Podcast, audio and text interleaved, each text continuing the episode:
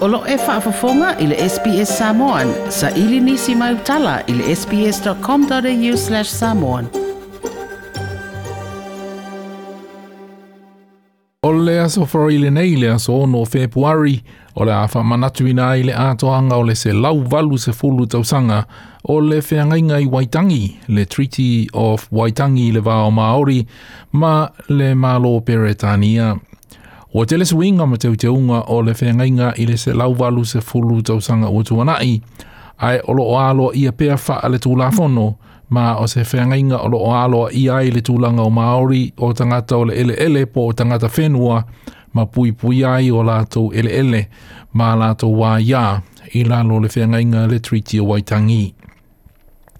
I le teimina sa ini a ele triti o waitangi i Aotearoa, o le teimi nā, o le te tele o sa wanga na whea ngai matangata mua mua a polisini i Ausetali nei, i lima o papalangi.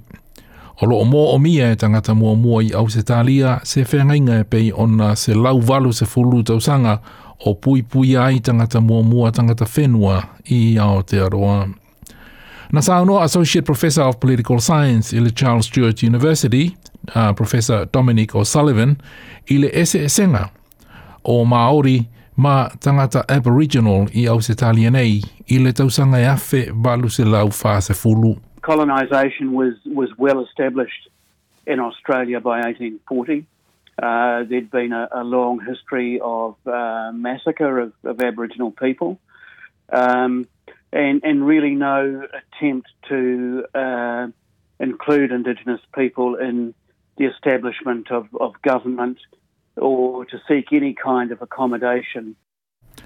Associate Professor uh, Dominic O'Sullivan, ole afe varu se lau fa se fulu, ua se fulu le nā o tausanga, talu ona taunuu, Ioane Viliamu, ma le tāla inga wha Kerisiano, i laufanua o Samoa, i le afe varu se lau tolu se fulu. Nā tā ua e Associate Professor O'Sullivan o le Treaty o Waitangi e mawhai o na i na ai le ese e senga o le vāno nofo o le mālo matangata Māori New Sila ma whaatusa i le vāno nofo o le mālo tele matangata mua muai au se talia nei. O le whengainga le Treaty o Waitangi e tolu ona na pou whaavae po o na pou tū. Na tūsia i lengangana Peretania ma whaaliliwina i lengangana Māori. Māori.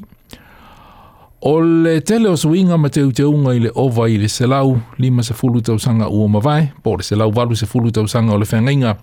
Na mafua mai i le ese esenga o le wha aliliwina, po o le wha auwinga ina, o wha upunga o le whenginga i ngangana i e lua le ngangana Peretania, ma le ngangana Maori, Professor O'Sullivan. The reason there's really significant debate about the meaning of the treaty is that the English version and the Maori version use quite different language. So, um, although the Maori text was presented to the people who signed it as a translation of the English text, in fact, it, it wasn't a translation. It, it was a, a, a different version um, using very different language. Mō le tau singa o le while mō, ma le naunauta inga e ati na e le tamau a inga o le atunu o inisila. I ona pō, whātou atunu o atu papalangi. Mō O le whea ngainga na tu uai le pule au tū i le tupua peretania, e tu upea le a ia tangata Māori i o lātou whanua. Se i vānga nā whanua e whātoa, po ua umo na whātoa, ma whātau ina e tangata papalangi. O tangata Māori na avea i lalo o le Treaty o Waitangi o tangata Peretania po o British Subjects. Nā o sina footnote i le reporti, mā na tua fo i le whamasinonga le ana mānu mālo i le whawhine Samoa i le Privy Council i Beretania, ma avea i le toa te leo tangata Samoa ma si tiseni New Zealand. Na mālo le mata upune nā i le whinaunga ale lo ia le whawhine, o tangata Samoa o subjects – po i lalo o le puipuinga a Peretania ilalo o le kolone lea na pūlea i e New Zealand i na ua whaamuta whaamalosi le malo mālo a Siamani. Ai a tu umai i le whiangainga le Waitangi o se tuutu unga whapena nei le Treaty o Waitangi i le version whaperetania ai misi atoa i le whaaliliwi nei le ngangana Maori. There wasn't necessarily an exact translation from the Maori language, but the concept certainly could have been explained, and it wasn't. And probably one of the main reasons it wasn't is because Maori would never have agreed to it. Um, no, you know, wouldn't have agreed to a, a ceding of an absolute authority. Uh, so what was used in the treaty in place of sovereignty was government. O e se senga nei le whaawinga ina o aia inga o le whangainga na tula ima yei o vai le lua afe tangi e whaulu i le Waitangi Tribunal, o se komisi na whaatuina i le afe iwa se laufitu se fuluma le lima, e ngafa matangi ma wha asea tangata Maori e afua mai i le Treaty o Waitangi. O se tasi o sui sui sue i le Waitangi Tribunal, o se ali e feita wina le tala wha solopito po o se historian le fionga ia Professor Michael Belgrave. Na sa Professor Belgrave, e le o iai se mōli mauna iai se vaeng o le whiangainga le Treaty o Waitangi, o lo o whapea mai i tangata Māori, e tu umotu atu i papalangi po o le malo o Peretania, a lātou wā ia i o lātou whanua ma ele ele, pēna lātou māla malama atua fo'i i le Treaty o Waitangi, i le taimina lātou saini a awai. Where things get a bit more vaguer is about the idea of a national society, the laws that might apply to everybody, uh, how how Europeans might be controlled, and in that area, I think there's a much greater degree of ambiguity about what happened in 1840. Na saunoa fo'i Professor Belgrave, mai le afe valu se lau valu a le afe valu se lau fāse na mōli mawina le vave ona, ona solo o le anganga. po le solo ia o le anganga na whaavai ai le Treaty Waitangi. Ma amata ona awe le whaamua mua i mana onga o paparangi, la tau te whaoa, ma whaatoa whanua o Māori.